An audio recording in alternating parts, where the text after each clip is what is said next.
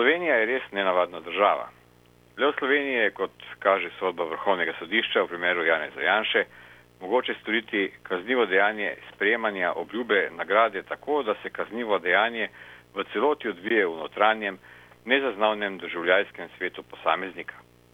Kot je namreč razvidno iz sodbe, so sodniki celo trdno prepričani, da je Janez Janša obljubo nagrade prijel tako, da to sploh ni bilo razvidno v zunanjem svetu.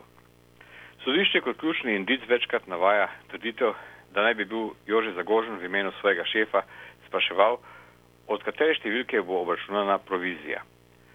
O tem, da naj bi bil ta šef prav Janez Janša, pa sodišče sklepa na podlagi ugotovitve, da pokojni Jože Zagožen drugega šefa pač ni imel. Takšno sklepanje se sicer na prvi pogled zdi logično, to da neizpodbitnega dokaza, da je bil ta šef res Janez Janša, v sodbi ni. Prav tako tudi ni pojasnila, kako naj bi Janša obljubo sprejel. Kaznivega dejanja pa ni, če je bil obtoženi z obljubo provizije samo seznanjen. Dokazati mu je potrebno tudi, da je obljubo sprejel. Sklenjen krok indicov je sicer fraza, ki se lepo sliši, vendar ne dokazuje, kdaj, kje in kako naj bi Janša sprejel obljubo nagrade. Iz trditve, da Zagožen nekaj sprašuje v imenu svojega šefa, pa seveda ni mogoče neizpodbitno sklepati, da se je Janša res zanimal za omenjeno provizijo. Kako naj bi namreč, da zagotovo vemo, da je Zagožen s šefom sploh mislil resno na Janšo in da je takšen šef sploh obstajal? Kaj, če je bil šef te operacije nekdo drug ali pa si je Zagožen šefa preprosto izmislil? Zato o ključnem dejstvu sodbi Janeza Janše obstaja utemeljen dvom. Ker pa obstaja dvom, tam ni najviše stopne verjetnosti, ki se ji, kot to trdi tudi samo vrhovno sodišče v svojih sodbah, reče gotovost.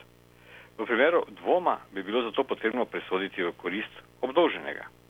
Ali kot nekje navaja dr. Ljubo Bovcon. Manj škode je, če roki pravice pobegne deset krivih, kot da obsodijo enega nedolžnega človeka.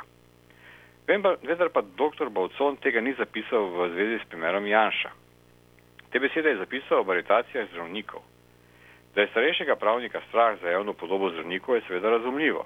To, da še bolj bi nas moralo biti strah za usodo pravne države. Veš, zakaj namreč slovenski liberalni intelektualni eliti tudi v primeru Janeza Janše tako težko pade presojati na enak način, z enako trezno glavo in nepristransko. Med pravnimi strokovnjaki, ki so svetovno nadzorsko na levi sredini, si je le Mateoš Krivic upal zapisati, da je bil Janši mandat odzet nezakonito, ter da je v primeru obsodbe Janše cesar gol in ima sodba resne pomenkljivosti. Temu lahko prištejemo še enako tehno opozorila ustavnih sodnikov, predvsem Petriča, Zobca in Dajzingerja, pa seveda nekdanjega sodnika Testena in odvetnika Aleksandra Čefrina. In tu se zgodba konča. Medijska slika je še bolj monolitna. Kritičnih glasov komentatorjev, razen na desnici, sploh ni, kar je tragično, ker dokazuje, da v slovenskem prostoru ideološke delitve še vedno zamegljujejo racionalno presojo in da levi novinari niso sposobni pristopiti ideoloških meja. Večina slovenskih medijskih hiš je v tem primeru ravnala tako, kakor da bi bile v teh hišah zaposlene prestitutke, ne pa novinarji in komentatorji, ki bi bili sposobni samostojnega sprejemanja sklepov. Za takšno stanje je precejšnji meri kriv tudi Janez Janša. Njegov paradoks, paradoks je v tem, da je postal žrtev lastne politike. Janez Janša namreč kršitve domačih in mednarodnih zakonov in človekovih pravic niso prav nič motile, ko je bilo potrebno obračunavati z domačimi in tujimi političnimi nasprotniki, se spravljati na upokojene oficire JLA, napadati izbrisane komuniste in trenerkarje. Z izjemno pozornostjo je gojil najbolj patogene klice sovraštva in delitev v slovenski družbi. Morda je bil pripričan, da ima pred sabo plemenit cilj, vendar je pri tem pozabil, da cilj ne posvečuje sredstev. In zato je v njegovem primeru tudi tako težko ohraniti mirno kri in trezno presojo. Janez Janša preprosto ni oseba, ob kateri bi človek lahko ostal povsem ravnodušen. In to seveda vpliva tudi na presojo sodnikov. Osebno sem Janez Janša spoznal že v času socializma, ko sem bil v študentski vladi zadolžen za ukinitev za vse obveznega predmeta družbena samozaščita in splošni ljudski odpor. Janša je bil tedaj nekakšen svetovalec naše študentske vlade. V boju za svobodo javne besede ob koncu 80-ih sem bil član uredništva mladine, ko je bil Janša v času afere JBCZ mladinin komentator. Vse do osamosvojitve sem bil prepričan, da med mojimi in njegovimi pogledi o prizadevanjih za demokracijo in svobodo ni bistvenih razlik. Zato sem bil še toliko bolj presenečen, ko je Janša po osamosvojitvi nastopil popolnoma drugače, ter s svojimi ukrepi pričel kršiti pravice so ljudi. Kritiziral sem njegovo nezakonito ravnanje z opredružine častnikov JLA in razkril problem izbrisanih. Zaradi moje ocene v članku mladini, da je Janša kot minister za obrambo ravnal enako, kot se je nekoč ravnalo pri pregonih notranjih sovražnikov, je Janša v vlogi obramnega ministra dal celo pobudo tožilstvu, da so zoper mene pričeli s pregonom. Njegov pregon se je končal neuspešno. Pozneje sem veliko krat kritiziral politiko Janša in bil drugi podpisani na peticiji 571 novinarjev zoper ravnanje sedanje Janševe vlade. Zato, pa tudi zaradi ravnanja Janše leta 2008, ko so po javni goni slovenskih politikov soprogo v kratkem oba ostala brez služb in se proces kljub sedmim letom hitrega sojenja še vedno ni končal, imam veliko razlogov, da tej politiki Janši osebno zaželim čim daljše bivanje v zaporu.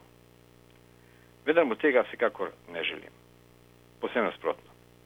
Če se z nekom ne strinjamo, to še ne pomeni, da si tak človek zasluži zapor za dejanje, ki mu ga ni mogoče z gotovostjo dokazati. In to bi moralo veljati tudi za Jane Zajanšo. V demokratični in pravni državi bi moral imeti vsak pravico do svobode, v zaporu pa bi morali končati samo tisti, ki so nedvoumno krivi. Sveda je težko verjeti, da Janša ni vedel za sporno podkupovanje v aferi Pacija. Isto pa velja za trditve, da je Janševa sodba spisana v Murgljah. Prav tako je res, da je do podkupovanja prišlo.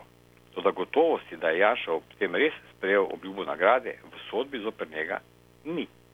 Tudi to, da podkupovalci na finskem niso bili obsojeni, da je bil pri nas oproščen Karl Rjavec, ki je bil v procesu izbire več kolesnikov že po funkciji veliko bliže od Janše in da v procesu ni nastradil niti kdorkoli iz sporne komisije, ki je izbrala Patrijo, meče senco dvoma na obsodbo Janše.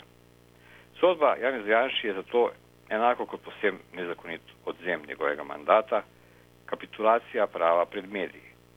So sodbo je prevladala logika, da se v Sloveniji ni več potrebno kot pijanec plota držati zakonov in da jih je zaradi višjega cilja, včasih partije, danes boja zopet korupcijo, tu in tam mogoče tudi kreativno interpretirati.